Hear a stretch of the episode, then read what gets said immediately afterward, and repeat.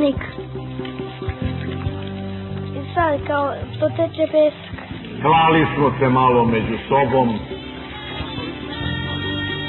časkali, prebirali po tečanju. Srbi krenuli za kulturom, za civilizacijom evropskom, za modom evropskom, o leševi srpski! Nacionalizam kod nas nije isto što nacionalizam u Francuskoj. Peščanik. Sad možete govoriti kao što Francuzi piju za ručak vino, mi smo alkoholičari, mi ne smemo ni kaf vina da pijemo. Ajde dalje. Napustimo mračni i sramni Beograd. Iza nas nerazuman lelek nedostojnih, Peščanik. ispred nas ciljevi uzvišeni, Ovdje ljudi još uvijek masovno misle da socijalizam nije tako reći. Može, treći put vodi pravo u Afriku. Ekonomski uvek, ako hoćemo tamo, onda smo na pravom putu. iznad nas zver koja nas vodi putevima gospodnjim.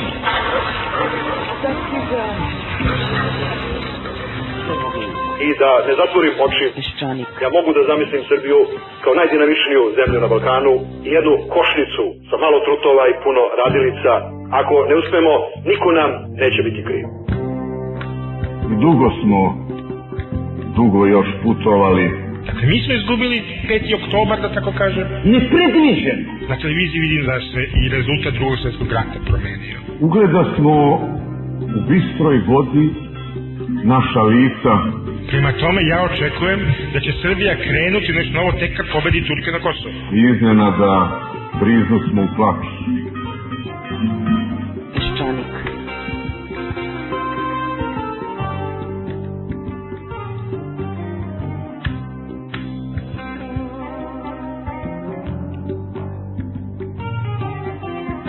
Nekoliko reči o pravdi. U ime naroda, Okružni sud u Beogradu u veću sastavljenom od sudije Stojkovića Zorana kao predsjednika veća i tako dalje, presudu okrivljenom Milić Miodragu, okrivljenom Olujić Dragomiru i okrivljenom Nikolić Milanu krivi su što su svojim napisima zlonamerno i neistinito prikazivali društveno-političke prilike kod nas, čitali svoje tekstove, usmeno govorili pred većim brojem lica na ilegalnim sastancima u privatnim stanovima, dok je okrivljeni Nikolić jedan svoj tekst podneo u inostranstvu stranoj instituciji, pri čemu su svi okrivljeni neistinito prikazali tekovine naše narodno-oslobodilačke borbe i socijalističke izgradnje i ulogu komunističke partije Jugoslavije i njenog rukovodstva i ličnosti delo predsjednika SFRJ Josipa Broza Tita. Nikolića istina ne interesuje, pa stoga on u svom tekstu i navodi da Albanci možda imaju objektivnih razloga da se osjećaju gnjetenim u Jugoslaviji, jer ne žive na jedinstvenoj teritoriji, a i Kosovo je najnerazvijeniji kraj Jugoslavije. Vidno je da je ova teza skoro istovetna sa tezom kosovske i redente.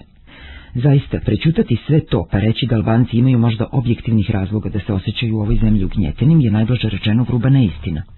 Njemu stvari smeta što određene grupe nemaju učešće u vlasti. Osnovni izvor mu je pamflet Milovana Đilasa Nova klasa. Očigledno on govori o višepartijskom sistemu, jedino ostaje nejasno šta bi od samoupravljanja ostalo u tom sistemu i kako bi se on razvijao u istom. Ovo tim pre što se mora imati u vidu da smo nekada imali taj višepartijski sistem građanske demokratije i upoznali rezultate istog, koje je ovaj narod skupo platio. A sudu nije poznato da su te građanske demokratije, koje Nikolić zagovara, dale bilo gde šansu samoupravljanju. Optuženi u stvari pokušavaju da eliminišu sve ono pozitivno što je partija uradila, stvaraju potpuno crnu sliku stanja kod nas, kako bi se kao neophodna nametnula teza o nužnosti postojanja opozicije i višepartijskog sistema. Kod okrivljenog Nikolića to ima jednu moralnu težinu. Minimum morala nalaže svakom građaninu da kada se nađe u inostranstvu, van svoje zemlje, ako već svoju zemlju ne hvali, onda da bar pokuša da objektivno prikaže postojeće stanje. Okrivljeni Nikolić dobro zna koliki je značaj propagande, koliko je trebalo vremena da svojim radom na delu dokažemo tim zapadnim demokratijama da se ne nalazimo iza takozvane gvozdene zavese. On dobro zna da se u tim građanskim demokratijama komunizam još uvek shvata kao bauk. No okrivljenog Nikolića to mnogo i ne zanima, jer kako sam ističe, želi da se zaposli na zapadu i na ovaj način on stvara u sebi sliku disidenta. Kazna zatvora u trajanju od jedne godine i šest meseci, predsjednik veća sudija Zoran Stojković svoje ručno.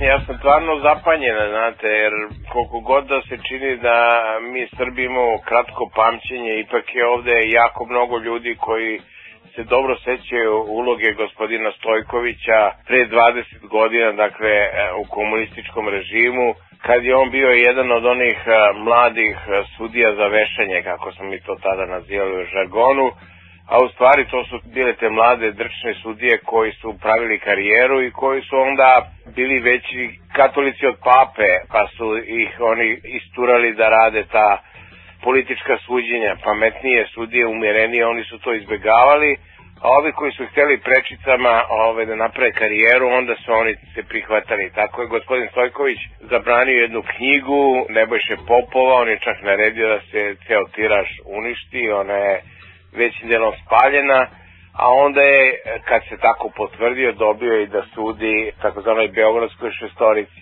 Na tom suđenju u prvoj instanci, znači kad je presud zaneo gospodin Tojković, nas troje je konačno bilo osuđeno, Miodrag Milić je dobio dve godine, ja sam dobio godinu i po dana, a mislim da je Olujić dobio godinu dana. Onda je na višoj instanciji sud te kazne ublažio, znači da je sudija bio drčniji nego što je režim od njega to tražio. A Olujić je bio oslobođen, ja sam dobio 8 meseci uslovno na 3 godine, a Miodrag Milić je dobio konačno godinu dana koje on izdržao u zabrani. Znači, ja sam bio osuđen uslovno, a jedan je čovjek otišao u zatvor samo zbog toga što jedna grupa intelektualaca sedela i diskutovala. Studija se može braniti da je u pitanju možda tadašnji zakon.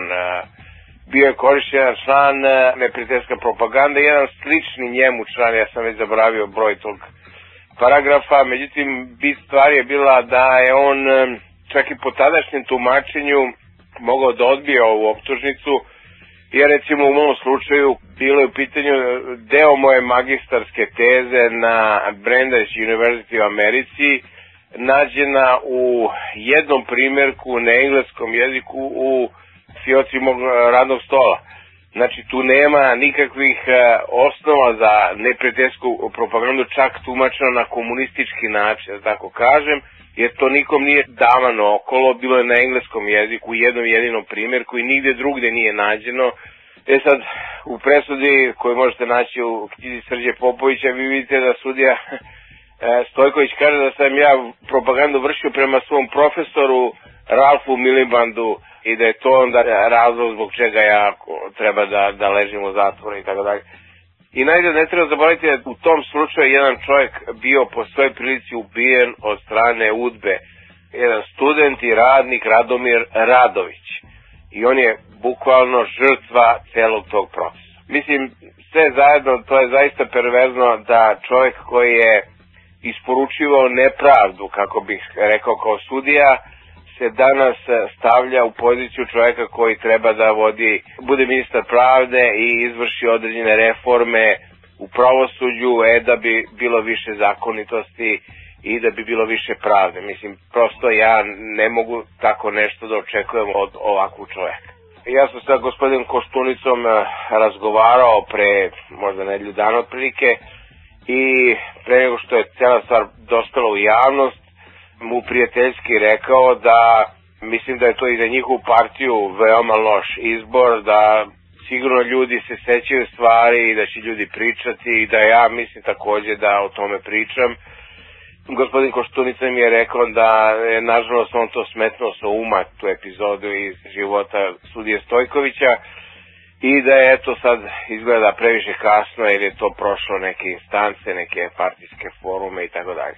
On je prosto previše, evo ove tri godine poslednje bio angažovan politički i nosio se sa, šta ja znam, sa demokratskom strankom i sa raznim drugima i da je prosto gurno u, u zaborav neke epizode iz svog ranijeg života i naših ranijih života i da mu se tako desilo da čovek koji je u njihovu partiju ušao 92. i verovatno bio verni vojnik partije Kada vam kažem, i on je u komunizmu, on nije bio nikakav zaošijani komunista. On je u komunizmu pravio karijeru. E sad je došlo drugo vreme i on sad u Demokratskoj stranci Srbije pravi karijeru. Mislim, to je prosto to.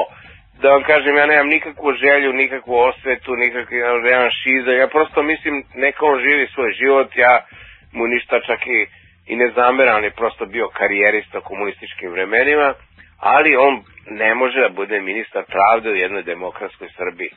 A ona izjava gospodina Stojkovića da je navodno Amnesty International rekao da je on bio dobar sudija i da je to bilo korektno suđenje, prosto nije tačna jer je ocena Amnesty International bila da je to poslednje staljinsko suđenje u istočnoj Evropi. Oni su rekli, pošto je njihov izveštaj na engleskom, the last Stalinistic show trial in Eastern Europe. I to upravo takvo suđenje obavio gospodin Zoran Stojković. Mislim da u demokratskoj Srbiji on ne bi smeo da bude ministar pravde, da Srbija kakva god bila ne zaslužuje takvog ministra pravde. Srđa Popović u sećanju na suđenje Beogradskoj šestorici 84-85. godina. Pravno je zanimljivo da je sud na ovom suđenju uveo jednu novinu u interpretaciju neprijateljske propagande, pravnim shvatanjem sudije Zorana Stojkovića da je mišljenje kao psihički proces do duše slobodno, ali da reči, izraz tog mišljenja mogu biti kažnjive. Završen citat.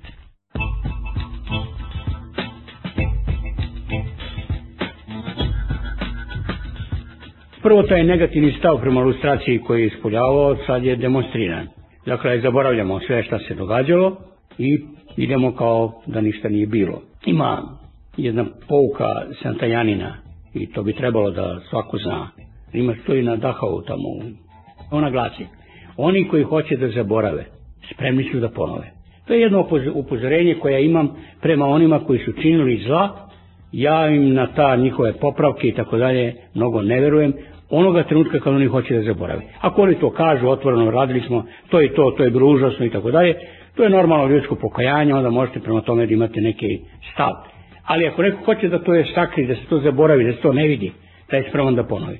Prema tome ja takvim ljudima ne verujem da bi da će u budućim vremenima, ako im se ukaže prilika, biti manje poslušni i vršiti stvari koje su suprotne elementarnoj pravdi i pravičnosti drugčije od onoga kako su nekada činili.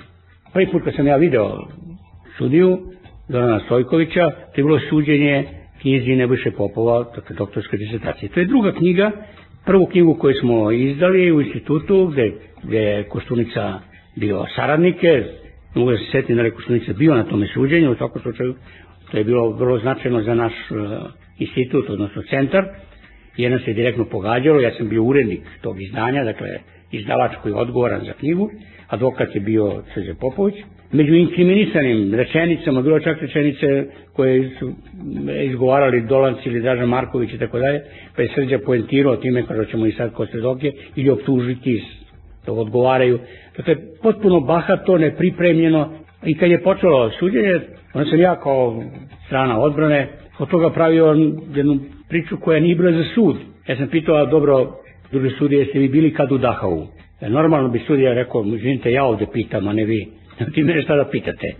On je bilo ste zbunjeni, rekao je, pa nisam. Ovo sam rekao šteta, trebalo je da odete. Tamo ima jedna velika parola, kada je nemački pesnik Hajne pre 100 godina, nego što će doći Hitler na vlast, upozorio Nemce, i to stoji ta rečenica, kad počnu da spaljuju knjige, odmah iza toga spaljivaće ljude. I ako vidite, druže sudija, na šta vas nagovara tužlac? Nagovara na strašan zločin. Tužilac je protestovao energično i rekao je, nije tačno, mi ne tražimo spaljivanje knjige, već uništenje. On se rekao, izvinjavam se, potpuno je tužilac u pravu. To je Hitler uvideo, pa je umesto spaljivanja, kako su spaljivali veštice na lomačama, preduzeo uništavanje hemijskim sredstvima, jer je to bilo mnogo brže i efikasnije. Bila je atmosfera ležerna, zabavna, ljudi se smejali. Kad se završilo, ja sam rekao, pa izgleda mi da ćemo mi dobro proći. On je rekao, ne, ova ljubaznost je samo zato da bi bila alibi za zabranu. Iz ove ljubaznosti sledi sigurno da će knjiga biti zabranjena. Posle dva sata smo pročitali presudu da se knjiga zabranjuje, a svi primjerci moraju biti uništeni. Ali sam zapamtio tog sudiju baš zbog ovog kontrasta jeli, koji se dogodio i tom lakoćom kojim on tu presudu na kraju izrekao. Ovo je bilo 83. godine kad je to bio slučaj sa Nebojšinom knjigom. E, 84. i 5. počeo je čuveni proces šestorice. To je bila jedna Dolancova strategija za zastrašivanja beogradske inteligencije i Tada je pravljeno mnogo tih e, napada i hapšenja, privremenih privođenja. I onda je došlo do hapšenja e, Miodraga Milića, zvanog Mića doktor, Vlade Mijanovića, Milana Nikolića, e, Oluvića, dakle ljudi Gordane Jovanović, dakle ljudi koji su već bili poznati policiji, bilo da su suđeni posle 68. godine, I onako vlast je, policija lešinarski išla na sigurno, oni su već poznati, to je poznata stvar, kad vas jedno markiraju, onda ste vi dobra meta za sve buduće slučajeve, jer kao ne možete da pogrešite. Jer javnost će odmah, aha, to su oni, e pa sigurno je sve istina, jer su oni već jednom bili suđeni. Tako da su upravo te poznate disidente pokupili i sudili. Ta priča da ga je pohvalio Amnesty International, je kaže komično, postoji jasna rečenica i stav da je to bio posljednji stalinistički proces u Evropi, kao što je ova zabrana knjige bila posljednja. E sad, utoliko, kad mi govorimo ovde o ilustracijama, da ili ne, mislim da neke stvari su potrebne. Ne zbog toga, evo ja do, do, tada, do sada nisam govorio to da ima 20 godina. Nikome se nikad nisam ni revanširao, ni setio, potpuno sam to zaboravio, iskrenuo. Ali kada se takav čovjek postavlja da bude bastion nezavisnog sudstva, e onda to izaziva pozornost. Onda o toj stvari moramo da raspravimo, pa ako se pokaže da je zbilja, jeli, on umeđu vremenu sa tom svojom prošlošću raskrstio i tako dalje, ne na način na koji neke sudije danas nažalost kažu, pa takvi su bili zakoni pa su morali tako suditi. Ja ih samo podsjećam da su prvi u Nimbergu koji su obični bili sudije koji su sudili po lošim zakonima. To za sudiju nije nikakav izgovor da on na taj način sudu može podnese ostavku i da kaže, živite, ne postoji besmisljenje sud verbalnom deliktu da vi sedite u kući ili vam je neko našo između ostalo da bude to sad mor, morbidija veća, nađe knjigu Kostunici i Čavoškoga kao dokazni materijal što tu knjigu već napadali, jeli prethodno u novinama kao krivično delo. Dakle, to je, po mom mišljenju, jedan veliki promašaj vlade i kako će se vlada dalje prema tome odnositi, to je sad njihova stvar, ali kad me pitate kao svedoka, evo to je ono što ja mogu da posvjedočim kao svedok toga vremena.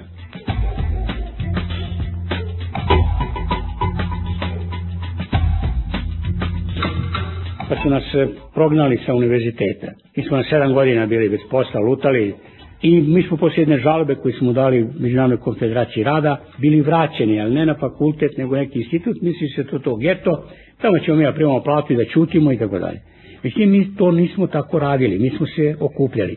Bila je prvo Zaga Golubović, e, direktorka, to je bilo kako malo i kavaljerski, ona je bila jedna žena među nama, jer mi nismo dali da nam postave direktora. Imali smo taj svoj ovur i rekli smo sami ćemo birati. Ali niko od nas nije bio moralno politički podoban, naprotiv, svi smo bili nepodobni, zato smo isklonjeni s ovisteta.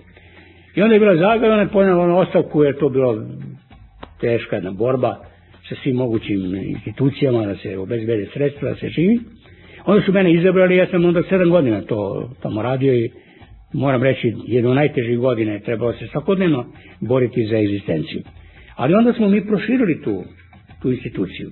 Ja sam pozvao Koštunicu, koji je bio sa pravnog fakulteta premešten u centar za javno mnjenje, tamo se loš osjećao, ja sam rekao da dođe kod nas. Nisu hteli Goati i ostali da nam daju sredstva iz tog, pošto se po naučnom radniku dobijala sredstva, pa smo ga mi primili na svoju platu, skinujući sebi jedno 10%, da bi za tu godinu prebrodili taj problem i tako je on došao u naš institut. Onda je naravno došao Boža Jakšić, došao je Zoran Đinjić koja se zvao, došao je posle Vesna Pešić, došao je Kosta Čavoški. Mi smo napravili onda jednu veoma veliku i najveću upravo instituciju iz društvenih nauka i pošli smo da štampamo knjige. I naravno odmah smo došli u konflikt i u sukob i velike napore da nas odatle sklona likvidiraju i to je bila ta borba koju smo mogli da imamo.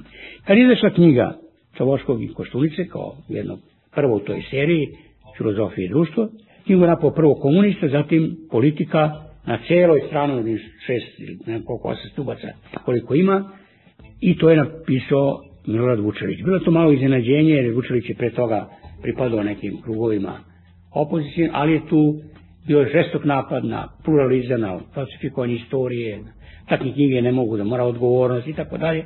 Bilo to jedan nevjerojatan napad. I napori da se knjiga zabrani su dolazili, ali mi smo brzo prodali taj tiraž i saopštili da nema više knjige. Prema tome, nemate šta da zabranjujete, ali su onda sačekali sledeću knjigu, Nebojšinu, i to je bila osveta upravo za ovu knjigu i je bilo važno da nam zabrane knjigu i da se pokaže da mi vršimo neku diverziju, neku, jeli, da smo mi u stvari politički vrlo opasni i da nas treba udarati po prstima. Sad kad pogledate Koštunica je to što jeste bira za saradnike takve ljude kao što bira. Vučilić je certi pravedničkim gnevom po raznim medijima, vi ćete izaći, odnosno podali ste ostavku na mesto Savjezne skupštine, predsjednika Savjezne skupštine, za 7 dana ćemo obeležiti osam ubistva Zorana Đinđića. Kako se vi osjećate onda sad? Ja se osjećam izdanim. Dakle, da su oni ideali za koje sam se borio sa nekim ljudima, od strane nekih ljudi, mene to jednostavno izdali. Ja ne mogu da razumem da neko neće da se rađuje sa mnom, a hoće da se rađuje sa Dačićem, Učilićem i ostalima, neka to tumači ko kako hoće, naravno svako možda bira, biramo i mi. Idem sa velikim zadovoljstvom u opoziciju, ali neka se ne nadaju da ćemo mi sada praviti tu nekakve ustupke, razumevanja, ne. Ovo je sada prilika da se sve karte otvore. Da vidimo u kom smeru ide, ide Srbija. Da li ona ide da uspostavi puni kontinuitet sa režimom Miloševićem i onim pre Miloševića, a da napravi puni diskontinuitet sa onim što se dogodilo 5. oktobra, ili ne. Vidjet ćemo kako će se to odnositi prema ključnim pitanjima našeg političkog života i u sve to naravno spada i jedan korektan osvrt na istoriju, na uloge svih ljudi u političkom životu, ko je šta činio, radio i tako dalje. Ja imam možda jedan refleks e, disidentski i otpor je moja prva reakcija, pružio sam otpor i Titu, i Dolancu, i Miloševiću, a onda, boga mi, ovdje i Koštunici, i Đinđiću. Svaki put kad sam smatrao da nešto nije korektno i uredno, to ću raditi i sada. I naravno, ono što jeste, postavit ću ta pitanja kud mi to sad idemo, s kim idemo, možda još, još je preciznije pitanje. Čuli ste e, iskustva moralno-politički nepodobnih Milana Nikolića i Dragoljuba Mićinovića sa zaovik izgleda moralno-politički podobnim Zoranom Stojkovićem. Peščanik. Slušate sociologa Mladena Lazića.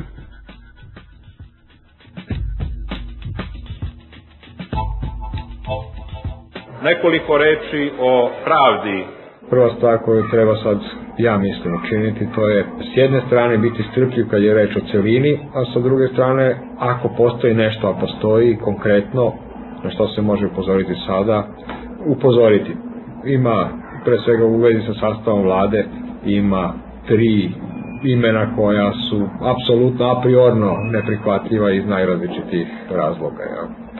Kad kažem ta tri imena, mislim naravno na, na Velimira Ilića i na činjenicu da jedan takav čovjek ne bi smeo nešto da traži u političkom životu jedne demokratski razvijene zemlje, a kamoli u vladi. A najmanje bi od svega mogao da traži nešto u javnom životu, nažalost on je postao figura najprisutnija u našim medijima, mesto da bude najmanje prisutno. To je tragično stanje stvari, dakle da i, i inače o, govori o centralnoj dimenziji koju hoću da naglasim, a to je nedostatak sećanja i nedostatak e, dostojanstva u odnosu prema sećanju. Dakle, to je čovjek koji je fizički napao predstavnika medija i koji je sad najspremniji, navodno, odnosno ili najviše korišćen od strane medija. Drugi čovjek u tom smislu je ministar pravosuđa. Ja sam bio, posmatrao sam taj proces i svi oni ljudi koji su u to vreme imali nešto sa opozicionim i demokratskim delovanjem znaju da taj proces i stvarno je prosto neshvatljiva činjenica da čovjek koji jeste u to vreme pripada opozicijonom krugu, dakle Koštunica, zaboravi ili bilo šta na ulogu tog čovjeka u, u onom režimu. To je prvo. Drugo, da ga postavi na mesto ministra pravosuđa koji treba da učini šta? Da ispuni osnovnu ideju Koštunicinog programa od, od njegovog dolaska na vlast, a to je da sudski sistem učini nezavisnim od e, politike. Čovjek koji je bio politički sudija u prethodnom sistemu. I to Koštunica zna. To je nešto što je po definiciji nemoguće. Ja. A da je to tako, ja, svedoči reakcija samog tog čoveka, dakle ministra pravosuđa. Dakle, da je on ostao politički sudija govori to što on pokušava da opravda svoje tadašnje ponašanje. Mesto da kaže jeste, ja sam bio takav u, u datim okolnostima, ali sam se posle toga promenio i tako dalje. Ne, on brani sada svoje ponašanje, drugim rečima sada pokazuje da će i sada biti isti onakav kakav je onda bio. U stvari u racionalnom svetu argumentacije taj čovjek bi upravo posle izjave o svom nekadašnjem ponašanju morao da nestane sa mesta ministra koji treba da bude osovina programa ove vlade. I treći čovjek je Kojadinović kojeg svi pamtimo kao opet skandal majstora iz vremena kada je opet pitanje demokratskog delovanja bilo pitanje digniteta, morala, dakle to je, to je treće takvo ime. Ali ono što se go, mislim što je bitno tu, to je, dakle, s jedne, taj, taj zaborav koji sam pomenuo. S jedne strane, ili ljudi stvarno zaboravljaju, što je užasna činjenica, ili se računa na to da ljudi zaboravljaju, pa se ponaša kao da zaboravljaju, što opet dođe na isto. Naša politička kultura kalkuliše sa zaboravom kao sa osnovnom kategorijom, što znači da je apsolutno po staroj jel, postaviti spremna da sve greške ponavlja i beskrajan broj puta. Recimo da je Velimir Ilić deo tog paketa Nova Srbija da bi podržao vladu STO. Recimo da tako možemo da tumačimo i prisustvo Kujadinovića kao obaveze, prema koalicijnom partnerima koji su takvu odluku donali. Ali definitivno izbor ministra pravosuđa je izbor Vojislava Koštunice. I sad bili su na skroz druge strane barikade, mislim, šta je na rezon? U ovom slučaju vidimo dakle da je ideja o temeljnom odvajanju pravosuđa od države u stvari paravan, da je ipak puno važniji kriterij od toga određena politička lojalnost, da je ta lojalnost najverovatnije ispoljena i da se sve to pokriva nekim sudačkim znanjem. Dakle, ja uopšte ne, ne želim da uđem u to da li neko zna ili ne zna stvari iz oblasti koje treba da pokrije, nego reč o tome da je jednostavno nemoguće i, i logički je ne, i, i moralno neprihvatljivo očekivati od čoveka koji ne da je nekada radio, to jest bio sluškinja politike, nego danas laže da nije bio. Dakle, taj čovjek se diskvalifikovao, kažem, definitivno trenutno svojom izjavom više nego onim svojim nekadašnjim postupcima.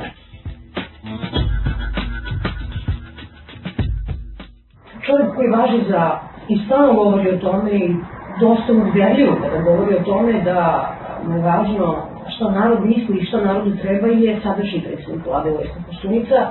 I često vidimo istraživanje javne mjenja različitim da bili takvi percipirani, ne samo kao poslovnog čovjeka, nego koji zaista ima to, pre svega, tu Srbiju. Pred očima.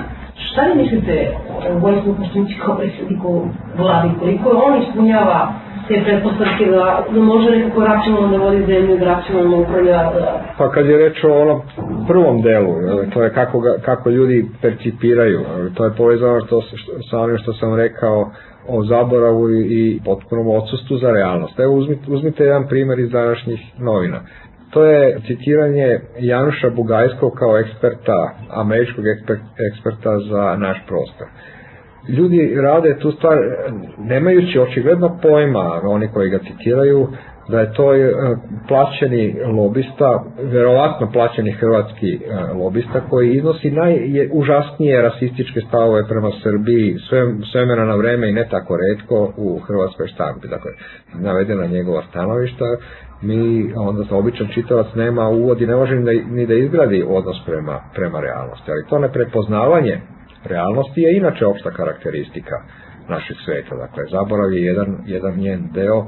Zaborav između ostalog uključuje to da cela ta grupacija oko Koštunice se pravi da ne vidi i pokušava to da predstavi drugima da je ona bila beznačajna politička grupacija bez ostalih i da bi ostala beznačajna bez ostalih i da su za 2000. godinu najmanje oni zaslužni od svih ostalih.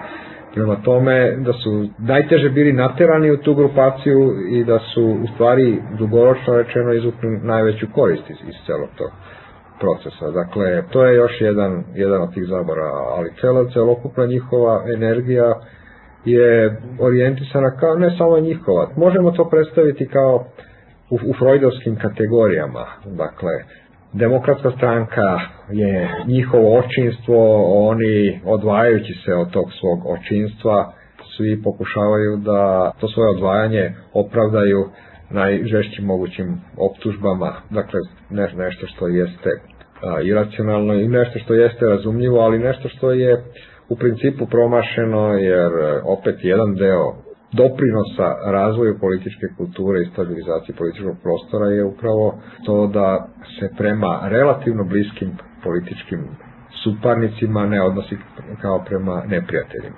Dakle, ono prvo bi se moglo nazvati i narcizmom male, male razlike, ali ovo drugo, posljedica, jeste to da se među stanovništvom onda rađa, odnosno reprodukuje to osjećanje toga da nije važno šta je neko radio, kako je završilo to što je radio, važno je samo ono što nam sada izgleda korisno. Ja ne znam, mislim, Koštunica ima neke osobine koje ga čine od svih mogućih političkih mesta najmanje podobnim upravo za premijera a to je nedinamičnost. To on, on, on svakako nije tako ličnost. Međutim, jedna druga njegova osobina je pogodna. Upravo zato što je spor i neaktivan. On može ostaviti i ostavlja prostora drugim ljudima da rade. Ako se među tim drugim ljudima nalazi dovoljan broj energičnih, sposobnih i tako dalje, moguće je onda da ta vlada funkcioniše bolje nego prethodna zato što je Zoran Đinđić bio upravo suprotan karakter, čovjek koji je sve mogao i sve hteo i sve stizao da radi, što je isto tako jako loše. Dakle, u stvari, Koštunica i Đinđić su suprotnosti, dve pogrešne suprotnosti, nijedna nije dobra, ali moguće je da se i u ovoj krajnosti nađu neki dobri elementi, ali za to treba sačekati.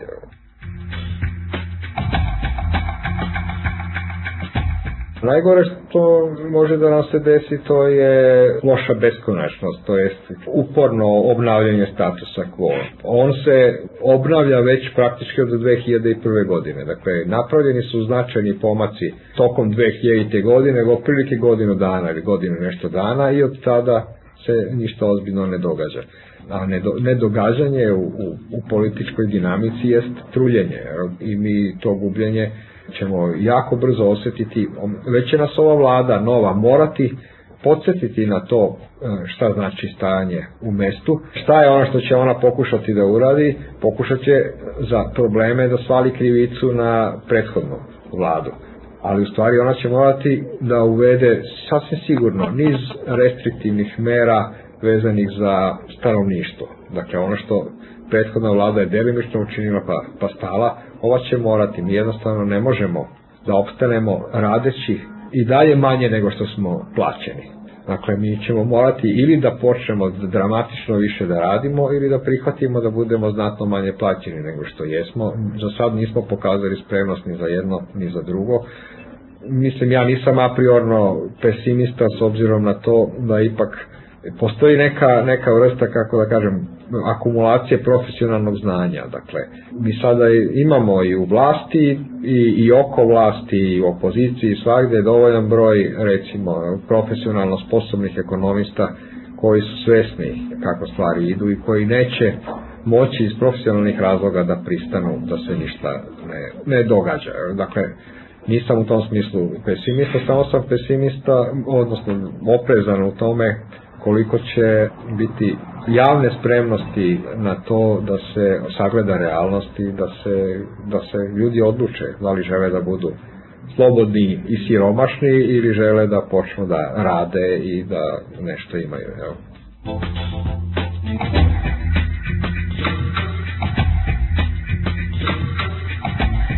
Slušali ste Madana Lazića sa Filozofskog fakulteta, a sada gospođe Borko Pavićević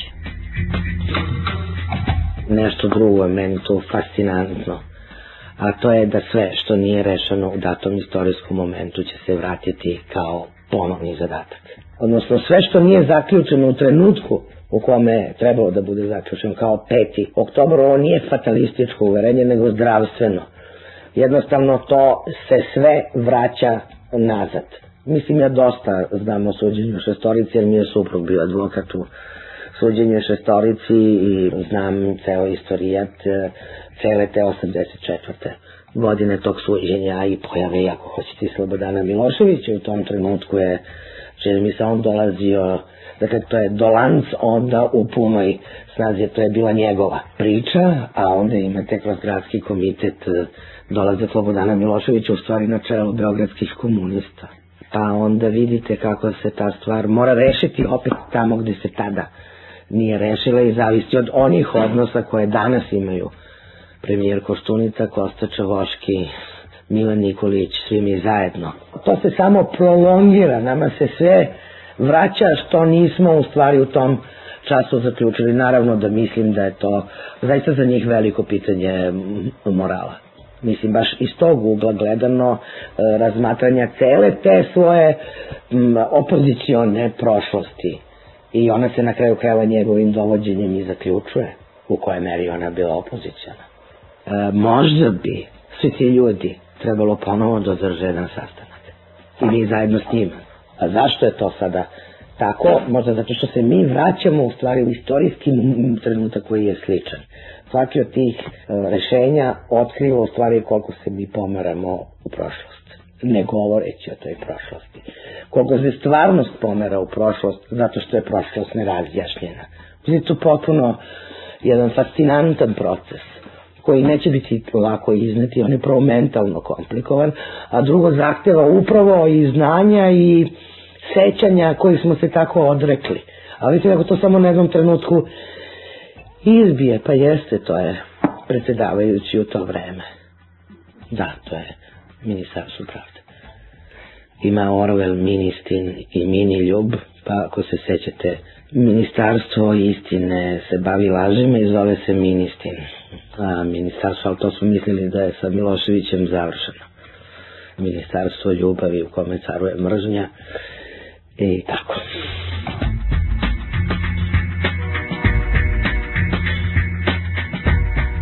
Vi ste zaboravili da se kaubojski filmovi još rešavaju na jedan način. Ne samo što se ovaj glavni junak prene pa pobedi, nego obično ima ona konjica koja dolazi i spašava ove opkoljene kauboje od indijanaca, to se zove u dramaturgiji last minute rescue, spas u poslednjem trenutku kada se pojavi neka sila koja tu situaciju razrešava. Mislim, ja ne mislim da ta sila ikada treba da dođe, ali ta sila nam je dolazila. Zašto? Mislim, ona nam je dolazila. Zašto? Zato što je gruba sila, zato što je idiotska sila, zato što je antisrpska sila, zato što nas mrzi, zato što je to svetski interes, ali možda ima nešto i kod nas. Ali ja sam gledala pre neko veče emisiju koja se zove Zamka, a ispod toga je teko Kairon – i videla sam ovog Veruovića.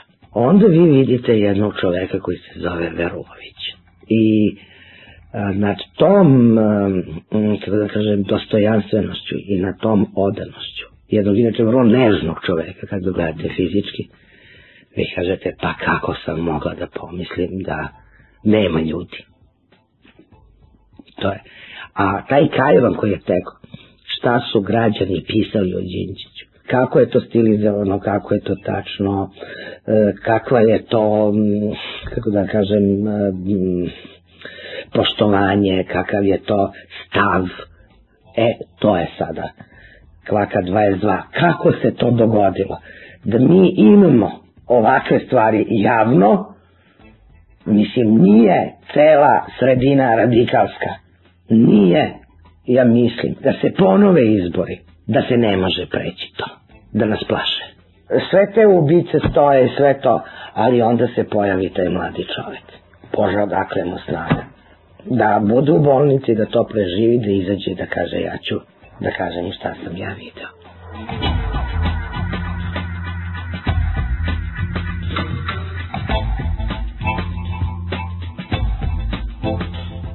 Jer možda pobedio Zvezdan Jovanović. Mislim, ljudi ga zovu Zveki. Mislim, da li je on u stvari pobednik na izborima. I vi tačno vidite da u sudu ljudi misle da oni žive u atmosferi oproštaja za zločin.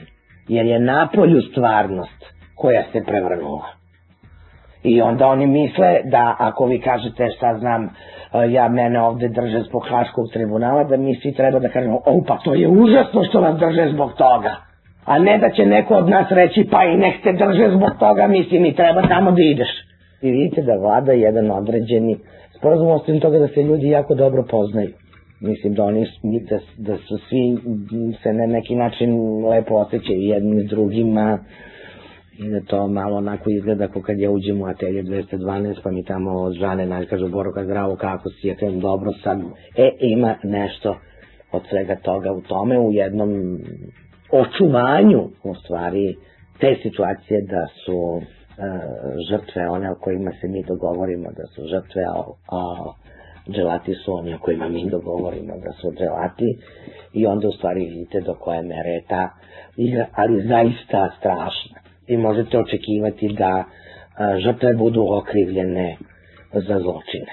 Šta je to pravda i istina u odnosu na interes ili na dogovor ili na novac ili na, na moć ili u odnosu na šta? Ako ste sklopili sporazum e, oko ministarstva pravde takav, šta onda očekujete da je tamo?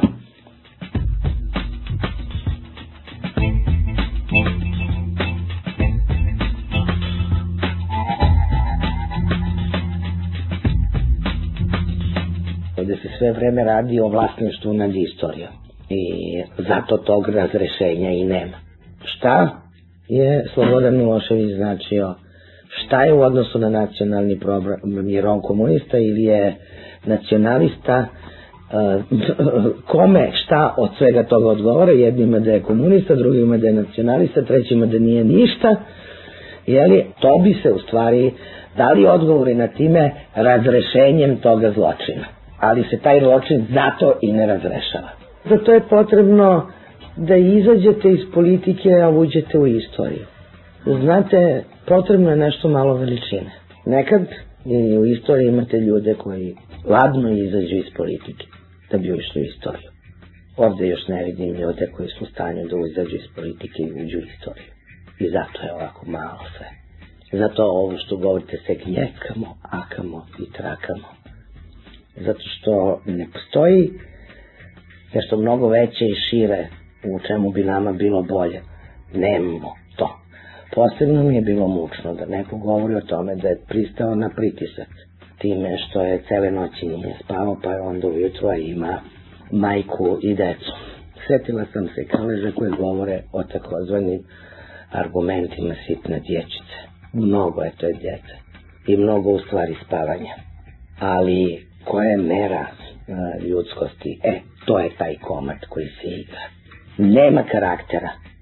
Šta je to, mislim, ako se Giordano Bruno predomislio, kuda bi svet otišao? To je ono što je u stvari toliko um, besprimerno mučno. Da tu nemate, da neko razumi to i da bude um, kako da kažem, na, ništo, na nivou tog istorijskog zadatka. Nimo sve veći istorijski zadatak za sve neke manje ljude mislim, jako mi je žao to da, da, da, da kažem, mislim, vola bi da je to drugačije. Ne zamislimo neke druge ljude u tom komadu. Eto, to je to što se veže sa pojmom državništva, pa se kaže nemamo državnik ili tako nešto. To je pitanje veličine. Malo sklanjamo veličine, pa makar pomoću vatrenog oružja.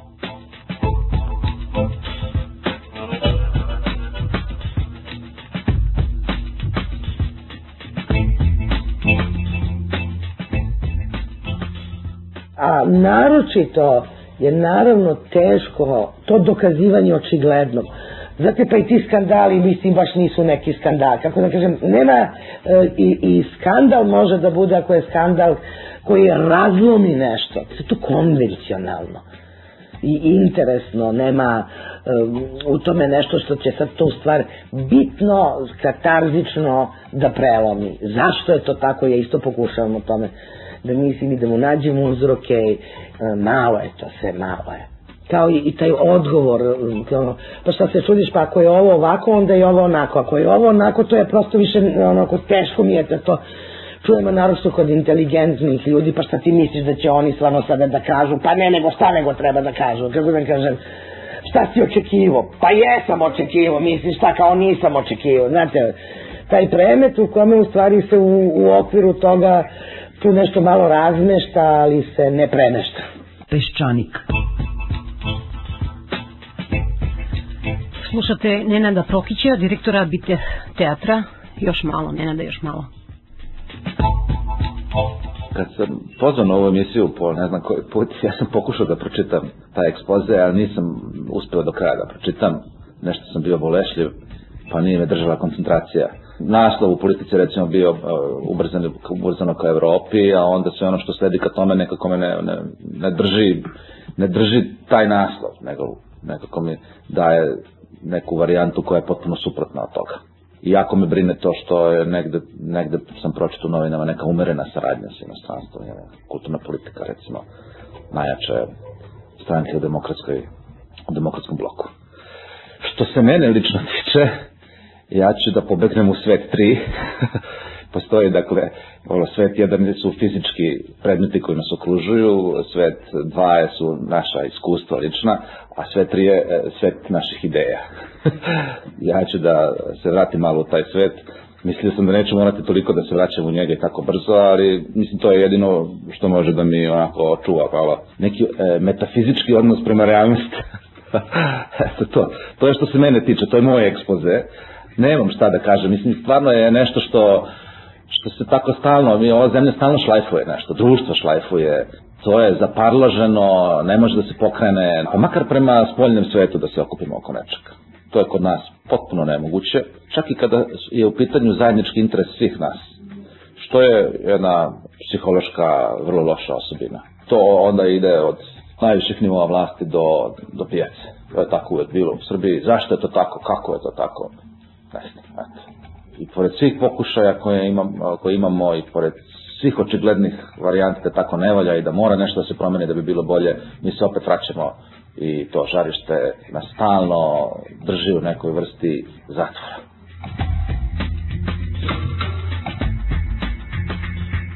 Ja mislim da on ne shvata suštinu reči reforma. On kaže pa svaka vlada, odgovorio je baš svaka vlada nužno pravi neke promene.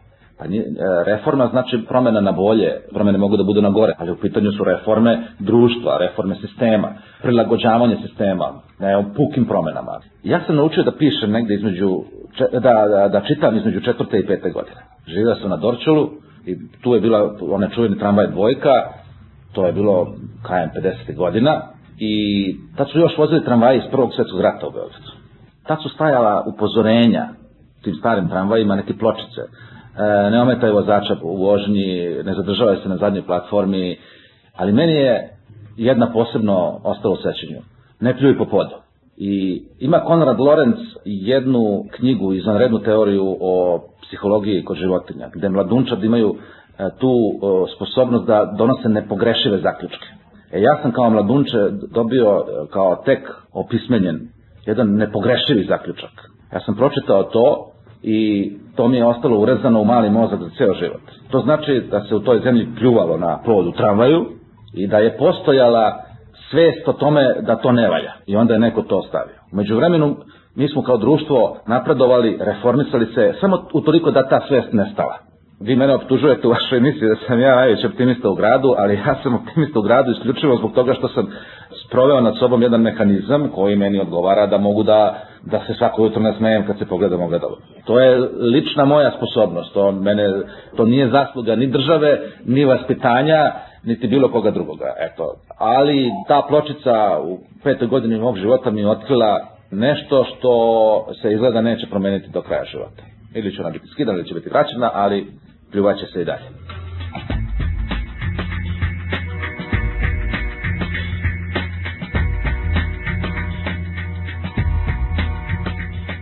taj treći svet e, ima veći uticaj vrlo često nego svet 1 i svet, svet 2 mislim, na naše živote. To je za mene mnogo važnije nego šta će sad koštunica da kaže. I to nije sad neki beg, to je isto realnost i, i tekako tvrda realnost. Pa bilo bi potpuno suludo da ja i adolescentski da ja prepuštam svoj život e, na milost i nemilost srpskom parlamentu. Mislim, to je potpuno, ne znam ko bi to, ko to sebi može da dozvoli. Meni je samo strašno žao. Ja ću za sebe da se snađem Žao mi je kad vidim da se HDZ u Hrvatskoj, drago mi je u stvari i za HDZ i za Hrvate, ali ono, 50 dana vladavine Sanadera, briljantno. Završili smo, nema više, nema više onih stvari. I za 50 dana odličan povratni efekat na život građana u Hrvatskoj. Svaka čast. E to je nešto što bi ja preživio da bude ovde. Nema nikakvih razloga da ne bude.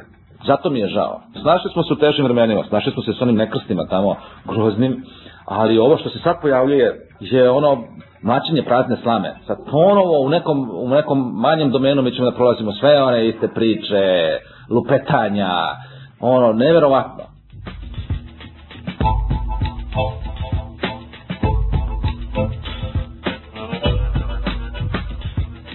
Možemo mi da pričamo, da zamišljamo razne stvari, da mislimo kako je sve u tradiciji, ja i ne vidim neku tradiciju ovde. Osim tradiciju mlačenja prazne slame, ne vidim nikakvu tradiciju na koju bismo trebali da se oslonimo. Ja sam ovde u jednoj instituciji koja je direktno antitradicionalna. To je neke tradicije, ne znam, fresko slikarstvo, to su sve slikari Grci. Ja, niko nije to od Srba naslikao. Šta još ima te tradicije ovde što bi, što bi mi mogli da se oslonimo kao na neko zdravo, zdravo tkivo? Ne bi baš mogao da se poprisati. Pa čekaj kuhinju. U Ukrajini je samo vo na ražnju naša, naša kuhinja. Sve ostalo ili tursko, ili austrijsko, ili mađarsko. Ponašanje pravoslavne crkve je agresivno, brinu o kobasicama dok im Hilandar gori. Znate koliko je u katoličkoj crkvi obavezna, obavezan post pred, pred pričašće? Jedan sat. Zato što mi živimo u svetu u kome svako od nas treba da radi 15 poslova dnevno da bi preživeo i sad još treba da posni 40 dana. To može onaj ko hoće, ko ima pare da posti, to je skupo i ko ima energije da potroši na to. Pre svega to je slobodna volja je jedna od stvari koju čak i pravoslavna crkva mora da prizna. Da li ću ja da postim ili neću, to je moja lična stvar. Ne može niko mene da tera na to. Da li smo mi sekularna država ili šta smo? Hominizacija pravoslavne crkve je nešto što mi veoma ide na živce, jer njihov uticaj na ovo društvo nikad nije bio takav da je ovo društvo od tog uticaja bivalo srećno. Ta jedna agresivnost s kojom se oni, koja je podržavana iz političkih struktura koji sada narastaju, je takva da ako se njima dozvoli da oni taj uticaj sprovode, onda ćemo mi da počnemo svi da živimo u manastiru. E, ali ja neću.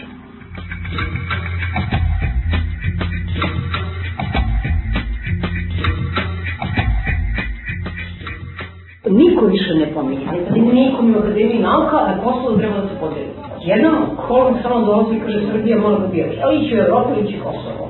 I ovo je izlazio iz pozeo koje kaže kantonizacija Kosova podela Kosova. Opet kao i ovaj ne priznaje stvarnosti, pa da ne skuđi da ovaj ne priznaje komonski sporazum čovječe. Srbi nisu uopšte nikada ne bili zainteresni na Kosovo. To je prazna priča. Prazan mit, Srbija je puna praznih mitova. Da su Srbi hteli da imaju Kosovo, oni bi doli imali univerzitet i mladi Srbi bi dole studirali i bila bi živa atmosfera i sve bi to na jedan drugi način izašlo. Niko to. To su samo, to je samo alibi i u stvari jedna velika laž kojom se ovde potpiruju neke političke ambicije. Niko od njih niti je u stanju da to reši, niti je uopšte, niti mu uopšte stalo. To samo služi da bi se ovde pričalo prazno i da bi se poeni grabili u Srbiji. To je zloupotreba čista tog prostora za koga svi znamo da je izgubljen za sva vremena. Zemlja je onoga ko, ko živi na njoj, na toj zemlji žive Albanci, postoje dve grupice Srba. Društvo iz moje ulice je brojnije. Bilo bi krajnje pošteno da se konačno neka vlada suoči sa realnošću Kosova, da se suoči sa realnošću pitanja Crne Gore i da se to rešava na osnovu onoga što je mogućno i što je izgledno. Mi smo Kosovo izgubili i ja bih bio veoma srećan kada bi to neka vlada ili ova ili neka druga jednostavno uzela u obzir i na taj način dalje se tako ponašala i davala izjave u tom smislu. Zato što je ne mogu apsolutno da poverujem da i svako od njih može da ima ikakvu ideju da se to može vratiti. Ako to zaista misle, onda je kocijent njihove inteligencije pod sumnjom. Ili hoće da ponovo unesreće narod da ga baci u neki rat i neko bombardovanje. To nas čeka ukoliko mi budemo posegli za nekim instrumentom koji nam je zabranjen na sreću i koji više nećemo smeti da uzimamo nikada u ruke ako hoćemo da, da, da preživimo. S druge strane, ništa se ne misli unapred. Francuska postaje 2014. godine pretežno muslimanska država. Slovenija 2040. će imati nešto 400.000 stanovnika. Srba, ja nemam pojma koliko će biti. To je nešto što što je u domenu života ovih mladih ljudi sada koji se rađaju i koji sada studiraju, recimo. Oni će sve to da dožive. Dakle, nikakve neke politike u tom smislu nema. Mi se borimo za nešto što smo odavno izgubili, a u stvari ne branimo ono što, će, što ćemo izgubiti, i, a što možemo još uvek da odbranimo. Mi nismo vodili računa o promijenjenoj demokratskoj situaciji na Kosovu 50 godina i evo šta smo dočekali. Da pričamo šta se babi snilo. Da ćemo da se vratimo na Kosovo. A šta tamo da radimo tačno? Ja ne znam da sam ja bolji od drugih, ali meni je stalo kako će da živi ovaj mladi svet koji je uprkos sankcijama, uprkos poseljačenoj državi, uprkos tome što nisu imali pasos, uprkos tome što su imali Miloševića, Koštunicu, ipak su se napravili takvi da nisu provincijalni. Oni su potpuno svetski ljudi, to je zaista dirljivo. Kod nas je Bog pogledao pa je rekao, čekaj ako ja ne dam sad jednu generaciju koja će da bude oslobođena tih trla babalan priča, ovi će da da nestanu. To će biti prekretnica. Oni će biti svetski ljudi, ono što Srbi nikad nisu uspeli da postanu u istoriji. Srbija je uvek bila neka provincija balkanska, neko, balkanska taraba, pa onda mi zamišljamo da je sve u toj balkanskoj tarabi. Umesto da preskočimo, idemo dalje.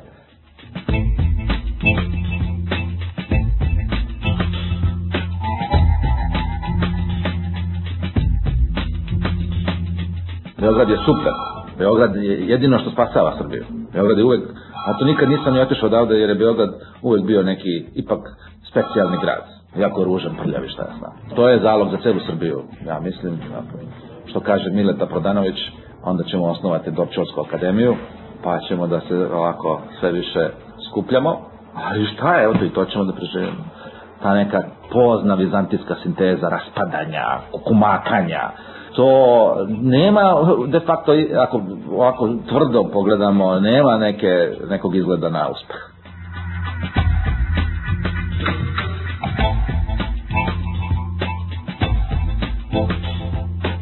I žele sebe da prikažu kao, kao heroje. I negde je ovaj Mihajlović, nisu nekog za Gavrila Principa, slabo nije umišljaju da su Gavrila Principa. Ali ja moram da kažem nešto što Mihajlović ne zna.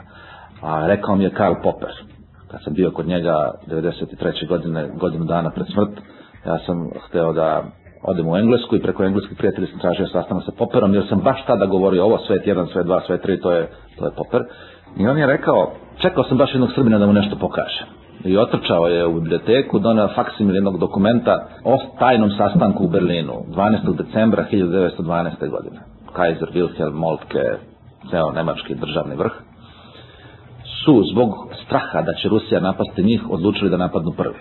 I svi su se složili da je to neophodno uraditi, ali je prvi čovjek Nemačke mornarice ustao i rekao da ne možemo ići u rat trenutno zbog onog morskog prolaza Skagerrak Kattegat Sund, koji je previše uzak da bi primio velike nemačke ratne brodove, a bez prolaska ratnih brodova kroz taj prolaz prema Rusiji nemamo šanse na uspjeh.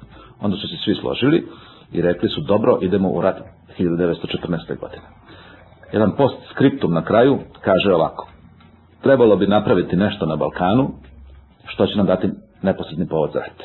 Dakle, taj Gavrilo princip je možda pucao srpskom rukom i srpski metak bio unutra, ali je bio rukovođen daleko, čak iz Berlina. I to mi on pokazao da me malo uteši u 1993. godini, kad su Srbi bili onako najgori narod na svetu, i da kaže kako je sve to koloplet jedne i da ništa nije slučajno i da oni koji su naivni i priglupi onako se nameste da budu iskorišćeni i koji nemaju nikakvu ideju o budućnosti i koji stalno imaju tu neku adolescentsku varijantu u kojoj će da se prave bolji nego što jesu, hrabriji nego što jesu, arogant, arogantniji, a potom skidaju gaće i to je otprilike mi smo ocenjeni da smo takvi od nemačkog državnog vrha i mi smo bili ti koji će, kao što su nas Britanci za mart 41. našli, eto, ko će, drugi nego Srbi držne daje, ajde, huha i tako dalje. To su oni pravilno procenili, ljudi gledaju, koriste mozak. I onda je ta situacija sada ovde sa, sa ovim atentatorima na neki način ovaj Mihajlović priča kako je to sad dirigovano iz inostranstva, ovo ono, čak i ako je dirigovano, opet je krivica naša, kao što je 914. bila krivica naša. Što smo se baš mi podmetnuli da to uradimo?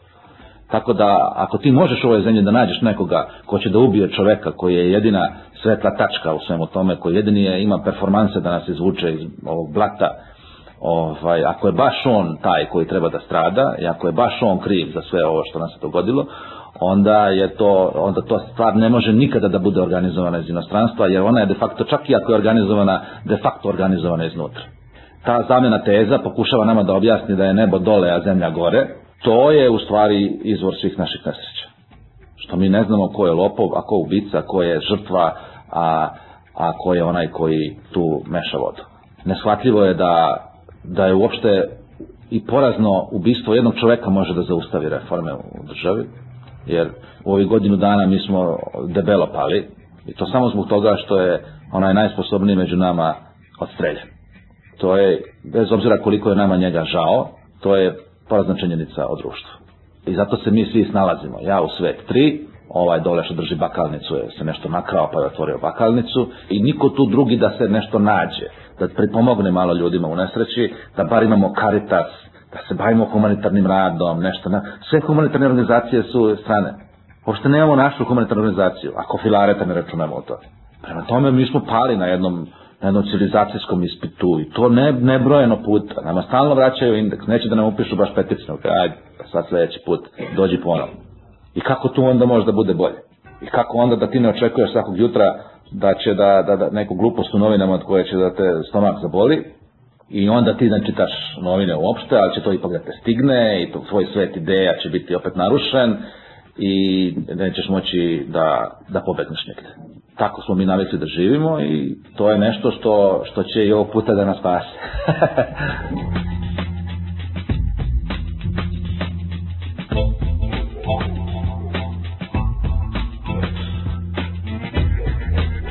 bio je ovo Nenad Prokić, a sinoć je u amfiteatru Mašinskog fakulteta više od hiljadu ljudi dva sata slušalo predavanje vladike Atanasije Jeftića. Počelo je zajedničkom molitvom, onda je dekan ponosom najavio profesora Atanasije koji je govorio o novoj knjizi, svojoj novoj knjizi o sekti starokalendaraca, a sektašice su monahinje iz manastira Sijenik na Jelici planini koje su udarile na sabornost Srpske pravoslavne crkve. A udariti na sabornost, rekao je jedan džakon, Radoš, To je gore nego ubiti čoveka i ne samo to, nego nam je zborio o tome kako je Jere svojim monahinja uticala i na njihovu fiziologiju. Kaže, popala im lica, obrazi, očim svetle nekim staklastim sjajem. Potom je zborio episkop Atanasije, a episkop je, podsjetili nas sinoć, živa ikona Hristova. U publici je sedela druga živa ikona, episkop Irina Bulović. Atanasij Jeftić je odgovarao na pitanje publike i kad god je mogao u odgovor umetao svoje političke observacije. Ostrom zato je publika i došla. Šta sve ne pišu? Šta ne piše gospodin Mirko Đorđević? Jedan promašeni prevodioc koji je papa za pitanja crkve, nažalost ga slušaju i govori šta sve ne truća. Evo opet su mi dali danas šta ja ne znam Svetog Savu. Šta je gospodin Mirko napisao Svetom Savi? A ja skromno da kažem, izdao sam kritički tekst njegove ver, bosede o pravoj veri. Rekao Atanasije, u domu sindikata nedavno, kaže gospodin Mirko Đorđević i Popov, napo Evropu. Ja sam rekao, gospodo, ovo, 14. koliko je došlo? Mi u Evropi ili Evropa ovde? 41. Ko je došlo? Mi u Evropi ili Evropa ovde? 99. sa bombardijem. Ko je došlo? Mi u Evropi ili Evropa ovde? Tu Evropu ja osuđujem. Oni su odmah shvatili celu Evropu. Nažalost, prava Evropa ne može da dođe do reči od tih galandžija i njihovih ovde advokata, koji su dobro plaćeni, ali pre svega dobro upregnuti u službu izdaje svoga sobstvenog naroda. Nek prenesu novinari, on će sigurno preneti i znaće samo to, nek iznesu. Oni obično parcijalno, zato što im gospoda urednici diktiraju šta će i kako će. Bio je Američ jedan u vreme rata kod nas, novinar, razgovarali smo skoro dva dana, prenoćio kod nas gostoprimstvo, sve je bilo. Nadao sam da je nešto shvatio. Kad mi je poslao isečak iz novina, vidio sam da je izašlo ono što mu je urednik rekao. Da mi recimo smatramo Karlića za Boga. Budi Bog s nama. Hercegovina je izdana u dobrom delu od Republike, odnosno od vlasti tada Republike Srpske. Nažalost, iza toga staje onaj demon, Karlića gospodina Miloševića i mi smo platili cenu koju smo platili u Hercegovini. A Hercegovine pomenju, pomenju u Bosni. Hoću da kažem, ne slušajte novinara, ja vam kažem, znam da će me napasti. U novinarama postoji tekako cenzura. Cenzori novinara su malo više njih i nevidljivi sive eminencije, a cenzori su ispruženi da se vide Mirko Đorđevi, to su jezuiti, inkvizitori koji žele da kontrolišu srpsku javno mišljenje, da ne može Atanasije da kaže tako, zašto ne može? Lupio postao živ, kaže narod. Odbite mu na glupost, ali oni ne mogu da trpe. Oni su netrpeljivi, gospodo. Ja govorim o netoleranciji, nemojte, nemojte prozivati, nemojte, gubimo vremena o, o netoleranciji, o netoleranciji takozvanih tolerantnih. To su tako nepošteni ljudi. Govorim o tome, sektaški mentalitet je to da sagleda jednu stvar jednu dimenziju, jedan element. I ovo što ovi, svi su oni ideološki ljudi. Ima ideologiju, ono je bila komunistička, sad je proevropska. I taj radio, recimo, Slobodna Evropa, to je bio zapadni špijun ubačen u komunističke zemlje da razara. Stalna propaganda, kao i glas Amerike, nešto su zdržaniji. Glas Slobodne Evrope i danas nastavlja, mi više nismo u komunizmu, ali mi smo neki zulum kaferi koji oni trebaju da naoperu mozak, da nas po svojoj slici i prilici oforme i dalje merilo je glas Slobodne Evrope. To je takva tortura, takva totalitarizam nad ovim narodom, kao da smo blesavi, da ne znamo šta se dešava, pa će nam tvrditi da Kosovo nije naše, to Holbuk jasno govori, i tako da ne pričam sada, mnogo znam i zato mnogo imam nezgodan jezik, no, srpski narod je konzervativan, jeste, ali u kom smislu? Ima loš konzervativizam, fetišizam, nacije ili ne znam čega. Ili isto tako progresivizam, ovi su samo za reforme. Koje reforme, gospodo? Koje? Da nam sutra daju genet, genetski izmenjenu hranu da bi svoje ekonomske probleme, da bi imali smetlište njihovo. Je to reforme? I đavo je sve vreme reformator. Koje reforme? To je govorio pokojni Đinđić. Da prosti otišao je Bogu na istinu, ali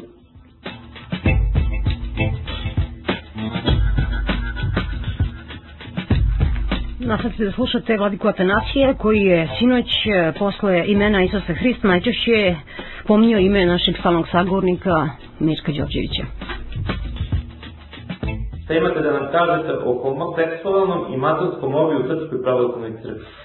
Te poslednje reči su bezobrazne reči, može da ima i nije isključeno da ima ljudski slabosti i dipavova, ali kako je formulisano lobi, to je kao kad su jedno dete ima zapisano negde u nekim knjigama, pitali u školi drugi razred osnovne škole, šta je to riblje ulje? Kaže, to je jedno bezobrazno pitanje, neću njega da odgovara. Jer su ga terali da jede riblje ulje.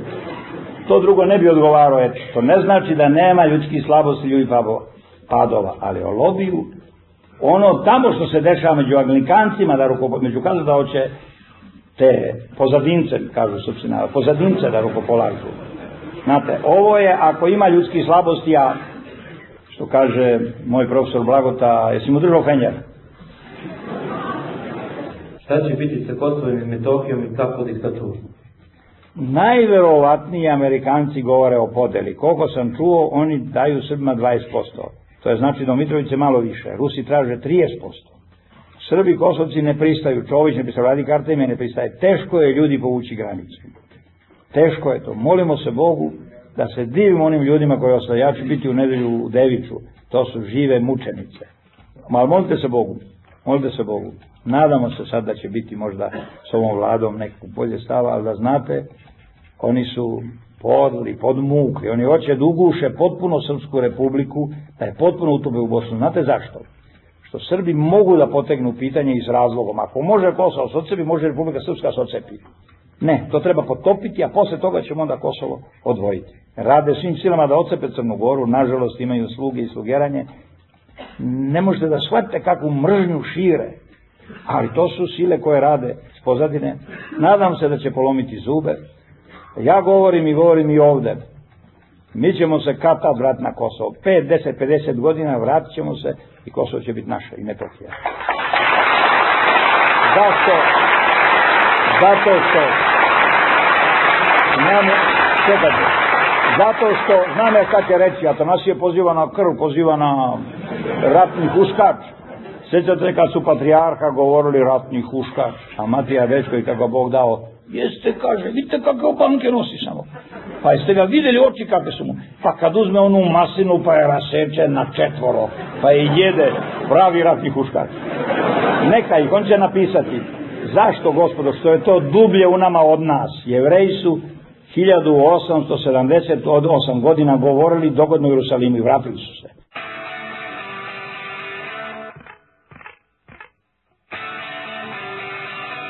Nekoliko reči o pravdi.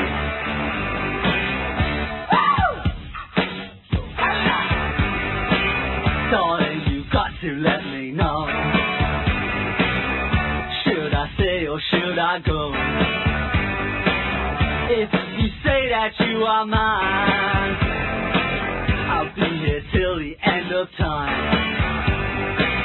So you got to let me know. I go? Nekoliko reči o pravdi. It's always. You're happy when I'm on my knees. One day it's fine and next it's black. So you want me off your back, well come on and let me know. Nekoliko reči o pravdi. Should I stay or should I go?